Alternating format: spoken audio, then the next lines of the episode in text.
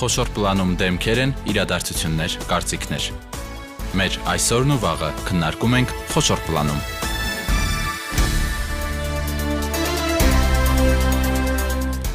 Բարի երեկո, դուք միացել եք Հանրային ռադիո երիտասարդական ալիքին։ Փոքր դաթարից հետո մենք կրկին վերադառնում ենք եթեր եւ յուրաքանչյուր 5 շաբթի շարունակելու ենք խոշոր պլանում քննարկել արդիական թեմաներ։ Վերջին շաբաթներին բավականին աճել է կորոնավիրուսի հիվանդացության տեմպը եւ դրա հետ կապված նոր սահմանափակումներ են ուժի մեջ մտնելու հոկտեմբերի 1-ից։ Թեմայի մասին այսօր զրուցելու ենք հիվանդությունների վերահսկման եւ կանխարգելման ազգային կենտրոնի վարակիչ եւ ոչ վարակիչ հիվանդությունների համաճարակաբանության վարչության պետ, ինֆեկցիոն հիվանդությունների ազգային կենտրոնի փոխտնօրեն տնօրեն Ռոմել Աբովյանի հետ, բարև Տիկին Աբովյան, շնորհակալ եմ, որ ընդունեցիք մեր հրավերը։ Եվ նաև այս օրերին խստացվել է վերահսկողությունը հանրային տրանսպորտում, տարբեր վայրերում, կոնկրետ տրանսպորտի հետ կապված վերահսկողությունից էլ խոսելու ենք քաղաքաշինության, տեխնիկական եւ հրդեհային անվտանգության տեսչական մարմնի ղեկավարի տեղակալ Արտյուշ Գրիգորյանի հետ, պարոն Գրիգորյան, ձեզ եւս շնորհակալություն։ Շնորհակալ Տիկին Աբովյան, մենք հիմա հանրային ռադիո երիտասարդական ալիքում ենք եւ ցավալիորեն նշվում է, որ հիվանդությունը երիտասարդացել է։ Ինչ է սա նշանակում։ Վերջերս, եթե չեմ սխալվում, 20-ամյա երիտասարդի մահ գրանցվեց, չէ, հիվանդությունից։ Սա դելտա շտամի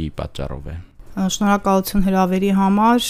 Պետք է նշեմ, որ Հայաստանի Հանրապետությունում արդեն շրջանառում է դելտա շտամը, եւ ընտրանքային նմուշները, որոնք վերցվել են տարբեր խումբ պացիենտներից, վառ ապացույց են, որ Հայաստանը ունի այսօր ինչպես ամբողջ աշխարհային խնդիրը, որ ունենք դելտա շտամով պայմանավորված հիվանդացություն եւ ըստ առողջապահության համաշխարհային կազմակերպության դելտա շտամը շատ ավելի արագ է տարածվում մարդկանց շրջանում եւ եթե համեմատենք նախորդ շտամերի հետ, ապա ավելի པարզ ասեմ, եթե նախորդ շտամի դեպքում 1 անձը կարող էր վարակել 3 անձի, այսօր խոսվում է, որ դելտա շտամի դեպքում մեկ անձը կարող է վարակել 6-ից 8 անձանց։ Այսինքն դելտա շտամի վարակելիությունը կրկնակի անգամ ավելի շատ է եւ նաեւ իհարկե կա կլինիկական դրսևորումների փոփոխություն։ Դելտա շտամը ուղեկցվում է կոկորտի ցավով, գլխացավով, նաեւ քթից արտահոսքով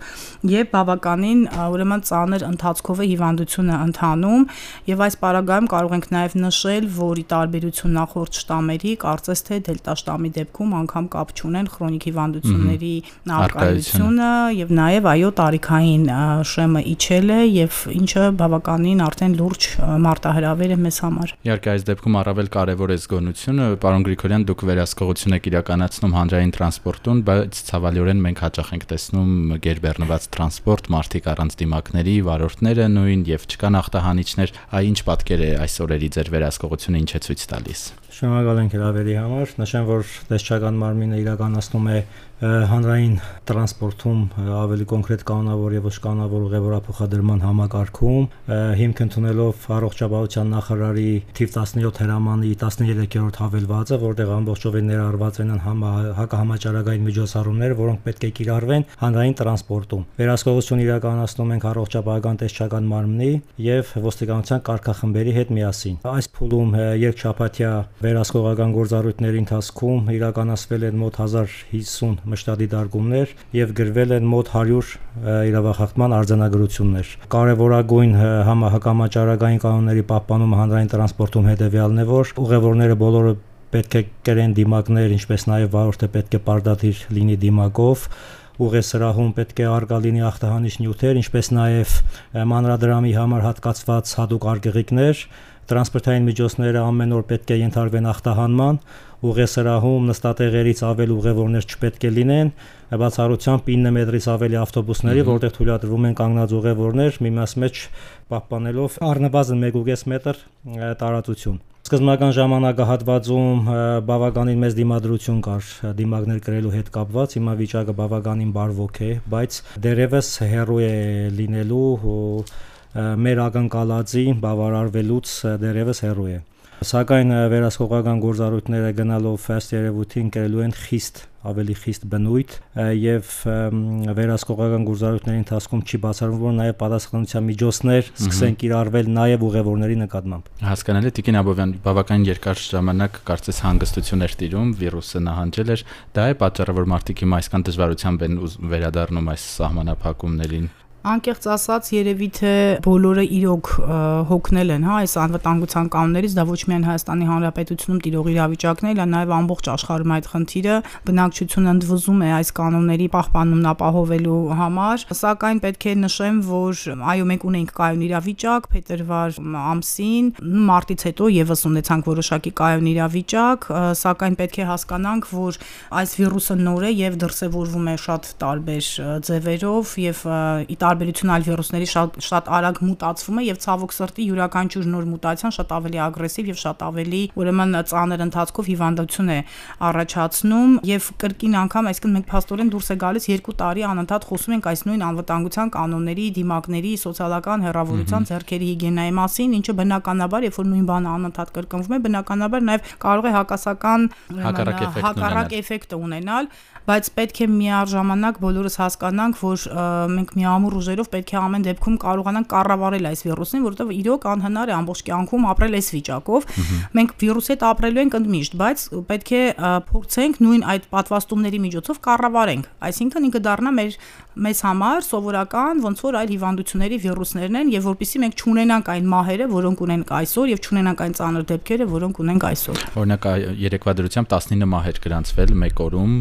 կորոնավիրուսից, ինչը իրականում շատ ցավալի թիվ է մեր պես փոքր երկրի համար եւ նշեցիք պատվաստումները հենց դա խրախուսելու, ինչ որ ճակերտավոր ասած նաեւ ստիպելու համար են այս նոր համանախապակումները։ Տիկին Աբովյան մի փոքր մանրամասնեք հոկտեմբերի 1-ից ովքեր պետք է գործատուին ներկայացնեն երկու շաբաթը մեկ բացասական թեստի պատասխան իրավական կարգավորումը ապահովելու է վարակի տարածումը կազմակերպություններում, կարգավորումը վերաբերելու է բոլոր տնտեսական գործունեություն իրականացնող կառույցներին, այդ թվում պետական եւ տեղական ինքնակառավարման մարմիններին, նաեւ նախադպրոցական, դպրոցական ուսումնական հաստատության աշխատակիցներին 14 օրը 1 տեստավորման պահանջը շատ կարևոր է եւ շատ երկրներում արդեն կիրառվում է ուրեմն կարգավորումը հետեւյալ կերպ է դիտարկվում որ պետք է աշխատողը 14 օրը 1 տեստավորվի ընդ որում իր հաշվին բացառությամբ այն անձանց անձանց ովքեր պատվաստված են Իհարկե կան նաև նու պատվաստումների առումով ունենք բացառություններ, այսինքն անձինք, ովքեր ունեն հակացություններ, այդ անձինք բնականաբար նայած եթե բացարձակ հակացուցում է, ապա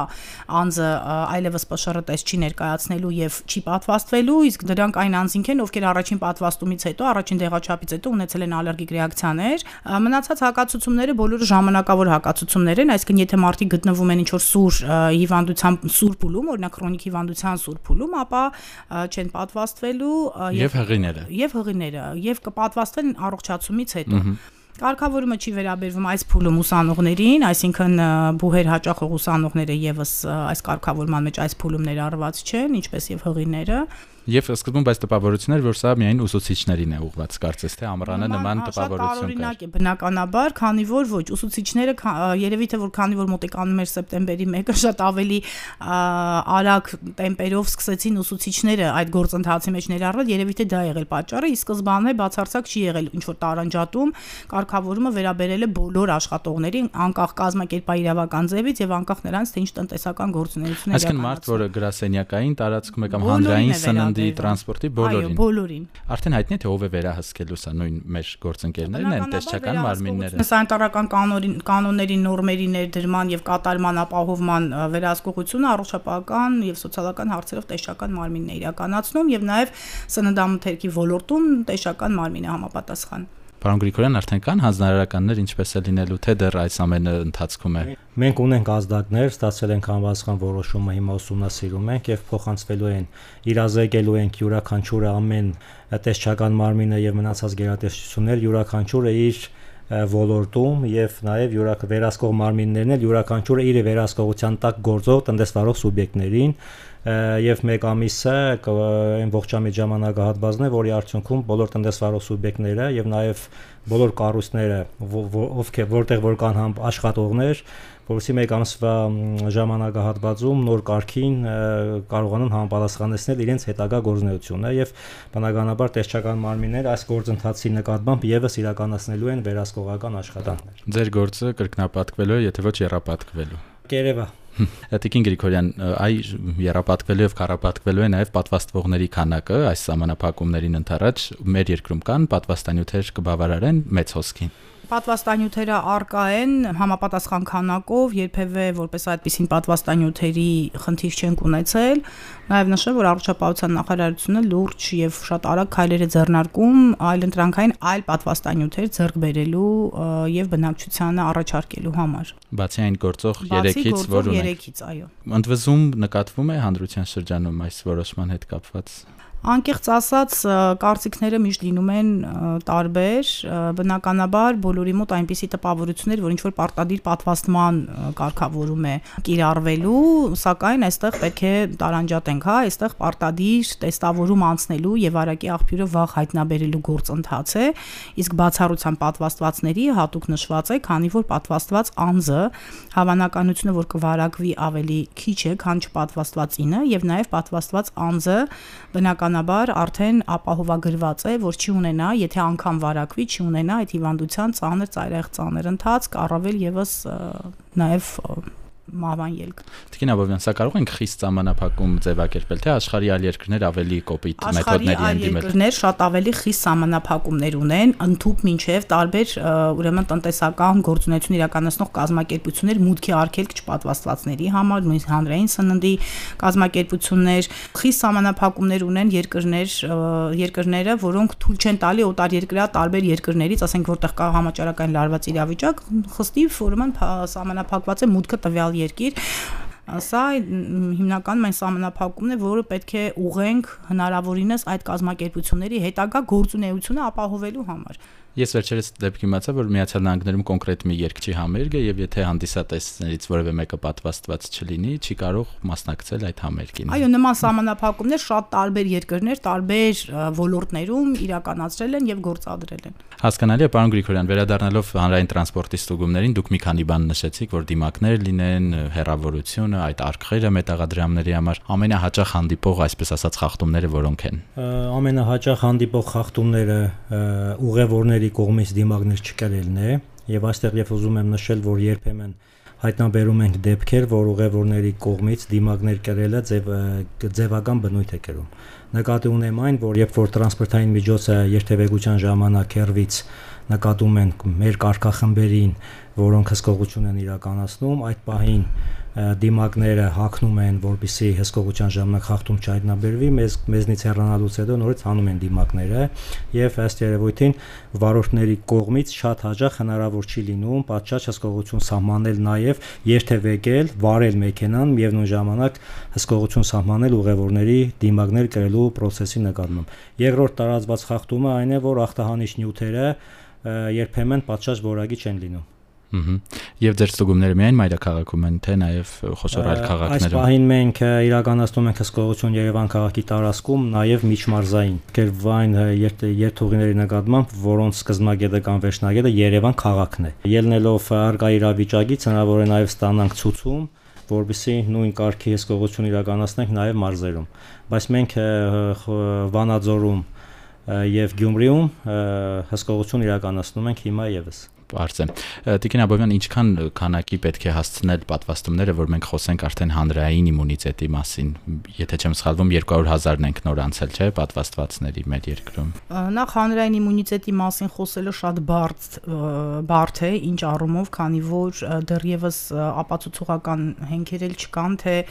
ինչպիսի իմունիտետ է առաջացնում, հա, նույն պատվաստումը կամ նույն անձը, որ հիվանդացել է կ ូវ իդով կամ լավացել է, այսինքն հակամարմինների ինչ քանակ, դա բջջային իմունիտետ է, թե հակամարմիններով պայմանավորված, այսքան շատ բարդ է խոսել դրա մասին, անգամ բարդ է խոսել, թե պատվաստվելուց հետո ինչքան կարող է պահպանվել իմունիտետը, եւ դա բնականաբար պայմանավորված է վիրուսի նոր լինելով, բայց կա մի ակնհայտ դիտարկում, որpիսի մենք կարողանանք ապահովել այսպես ասած թեկուս կարճ ժամանակահատվածով կամ ինչքանով որ նախատեսված է, հա, հետո հետագայում երբ որ կիմանանք ինչքան է պահում իմունիտետը, պետք է միամոմենտ ապահովել այդ պատվաստումները։ Այսինքն միևնույն պահին պետք է շատ մատ պահին պետք է այո միամոմենտ պատվաստել պատվաստել մեծ քանակի անձանց, որpիսի մենք կարողանանք կառավարել այս հիվանդությունը եւ ունենանք հիվանդացության նվազում նախնական հաշվարկներ կան, թե այս սահմանափակումը ինչքան պատվաստողների թվի աճի կարող է նպաստել, հաշվի առնելով թե ինչքան օրինակ գրանցված աշխատող կա Հայաստանում նման հաշվարկ իհարկե չի իրականացվել, քանի որ նորից եմ ուզում կրկնեմ, որ Այս կարգավորումը հիմնականում վարակի տարածման կանխարգելման համար է եւ տեստավորման վրա է շեշտադրված շեշտադրումը դրված, որ աշխատողները պետք է 14 օրը մեկ տեստավորվեն բացառության պատվաստվածների։ Դրա համար նման կանխատեսում ճիշտ ասած չի իրականացվել։ Մեր տեստավորման կենտրոնները պատրաստ են սպասարկել այդքան հաճախականությամբ մարդկանց։ Այո, տեստավորման կենտրոնները բնականաբար մենք ունենք ցանկով հրամանով հաստատված լաբորատորիաներ, որոնք իրականացնում են այդ տեստավորումը, դրանք բավականին շատ են, նախ պետք է նշենք, որ այդ լաբորատորիաներ ունեն նաև մասնաճյուղեր մարզերում, ես չեմ կարծում, որ որևէ խնդիր կարող է առաջանալ։ Պարոն Գրիգորյան, դուք պատվաստվել եք Տիկին Աբովյանի դեպքում հարցը իմաստ չունի, որովհետև առաջին պատվաստվողներից են եղել։ Այո, ես պատվաստվել եմ։ Այ այն մարդիկ, ովքեր չեն հավատում, չեն վստահում, ինչ ախտանշաններ են հետո եղել, ծանր եք տարել, թեթև եք տարել։ Պատվաստվելու նույն օրը 1 ժամ տևողությամբ ոդքերի հատվածում թուլություն եմ նկատել, որովհետև էլ ընդամենը 1 ժամ եւ վերջ։ Եվ այդքանով ավարտվել։ Այդքանով ավարտվել է, իսկ երկրորդ պատվաստումից հետո բացարձակ ոչ մի տեսակի զգացողություններ չեմ ունեցել։ Տիկին Աբովյան նշեցիք հակացությունների հետ կապված մարդիկ, ովքեր ալերգիկ ռեակցիա են ունենում, աստորեն նրանց այլևս ցուցված չէ, ել ինչ կա այդ բացառությունների շարքում, որ օրինակ չի խրախուսում պատվաստվել։ Հակացությունների մեջ միայն դա է, մնացած հակացությունները ժամանակավոր են կապված տվյալ պահին պատվաստվող անձի առողջական վիճակի հետ։ Ես նշեցի, որ եթե ունի տվյալ անձը քրոնիկ հիվանդություն սուր շրջանում է, ապա բժշկի ցուցումով սուր շրջան անցնելուց հետո նոր տվյալ անձը ենթակա է պատվաստման։ Մեր երկրում գործող պատվաստանյութերը ապացուցել են իրենց արդյունավետությունը մասնավորապես դելտա շտամի դեմ պայքարում։ Անկեղծ ասած, դելտա շտամի ընդհանուր առմամբ պատվաստանյութերը բոլորը ըստ միջազգային կազմակերպությունների ներկայացման արտադրողների, ուրեմն տված տեղեկատվության եւ ԱՀԿ-ի տվյալների պատվաստումները ուրեմն ազդում են բոլոր շտամերի վրա պատվաստանյութերը Երևի թե մի փոքր parzեցնեմ, որ պատվաստանյութերը ստեղծված են կոնկրետ կորոնավիրուսային հարուցիչի դեմ պայքարելու համար, անկախ նրանից, թե կոնկրետ որ շտամն է։ Որ շտամն է։ Ահա, եւ արդյունավետորեն պայքարում են Այո, պայքարում են։ Մարդկանց մոտ կա կարծիք, որ պատվաստվել նշանակում է այլևս չվարակվել եւ դա բերում է այն, որ ես պատվաստված եմ, դիմակ չեմ դնի, չեմ ախտահանի։ Խնդրում եմ այս մոլորությունը եւս մեկ անգամ Շնորհակալություն հարցի համար, դա շատ կարեւոր հարց է, քանի որ պետք է եւս մեկ անգամ կրկնենք, որ պատվաստուն պատվաստանյութերը, որոնք կիրառվում են ամբողջ աշխարհում, այդ թվում հիմա Հայաստանի Հանրապետությունում, այդ պատվաստանյութերի նպատակը ծանր ծայրահեղ ծանր դեպքերի եւ նաեւ մահվան ելքերի նվազեցումն է այսինքն այս պատվաստանյութը պատվաստանյութերով պատվաստվելիս անձը դեռևս ռիսկի տակ է որ կարող է վարակվել բայց վարակվելուց հետո տվյալ անձը չի ունենա հիվանդության ծանր ընթացք, ծայրահեղ ծանր ընթացք եւ բնականաբար մահվան ելքով ուրեմն դեպքերի թիվը շատ կտրուկ ուրեմն նվազում է այս դեպքում կամ տվյալ անձը եթե պատվաստած է կարող է վարակվել, բայց լինել անախտանիշ։ Ինչու պետք է պատվաստված անձը եւս կրի դիմա, քանի որ նշեցինք, որ այո կա ռիսկ, որ պատվաստված անձը կարող է վարակվել, անգամ անախտանիշ դեպք անախտանիշ հիվանդության տանելու դեպքում տվյալ անձը կարող է վարակել շրջապատում գտնվող իրենց ուրեմն հարազատներին, բարեկամներին եւ ընդհանուր առմամբ այլ մարդկանց։ Հասկանալի է, պարոն Գրիգորյան, վերջում միգուցե զգոնության կոչ նաեւ վարորդներին եւս մեկ անգամ, քանի որ ռադիո շատ են լսում վարորդները եւ նաեւ ուղևորները։ Այո, շնորհակալություն արիցից օգտվելով, քանի որ հանրային տրանսպորտում ենք մենք հսկողություն իրականացնում, ես կոչ եմ անում բոլոր տրանսպորտային կազմակերպություններին, հանրային տրանսպորտից օգտվող ուղևորներին անշեղորեն պահպանել անվտանգության կանոնները եւ անվտանգության կանոնների պահպանումը անմիջականորեն կապված է յուրաքանչյուրիս եւ մեծ շրջապատող մարդկանց կյանքի հետ եւ ամենակարևոր այդ կանոնները պահպանել ոչ թե ուղակի տուգանքներից խուսափելու համար, այլ կանոնները պահպանել վարակը կանխարգելելու, չվարակելու եւ չվարակվելու համար։ Շատ շնորհակալություն, ձեզ առողջություն եմ մաղթում եւ նաեւ համբերություն առաջիկայում այս սահմանապակումների հետ կապված վստահ եմ ձեր աշխատանքը առավել ծանրանալու է։ Ես հիշեցնեմ, որ մենք այսօր զրուցում էինք հիվանդությունների վերահսկման եւ կանխարգելման ազգային կենտրոնի վարակիչ եւ ոչ վարակիչ հիվանդությունների համաճարակաբանության վարչության պետ, ինֆեկցիոն հիվանդությունների ազգային կենտրոնի փոխտնօրեն Ռոմելա Աբովյանի եւ քաղաքաշինության տեխնիկական եւ հրդեհային անվտանգության տեսչական մարմնի ղեկավարի տեղակալ Արտյուշ Գրիգորյանի հետ։ Շնորհակալ եմ, որ եկաք։ Նրանց հետ զրուցեց Սևակ Հակոբյանը։ Մենք եթերում կլինենք արդեն հաջորդ 5 շաբթի։ Առողջ եղեք։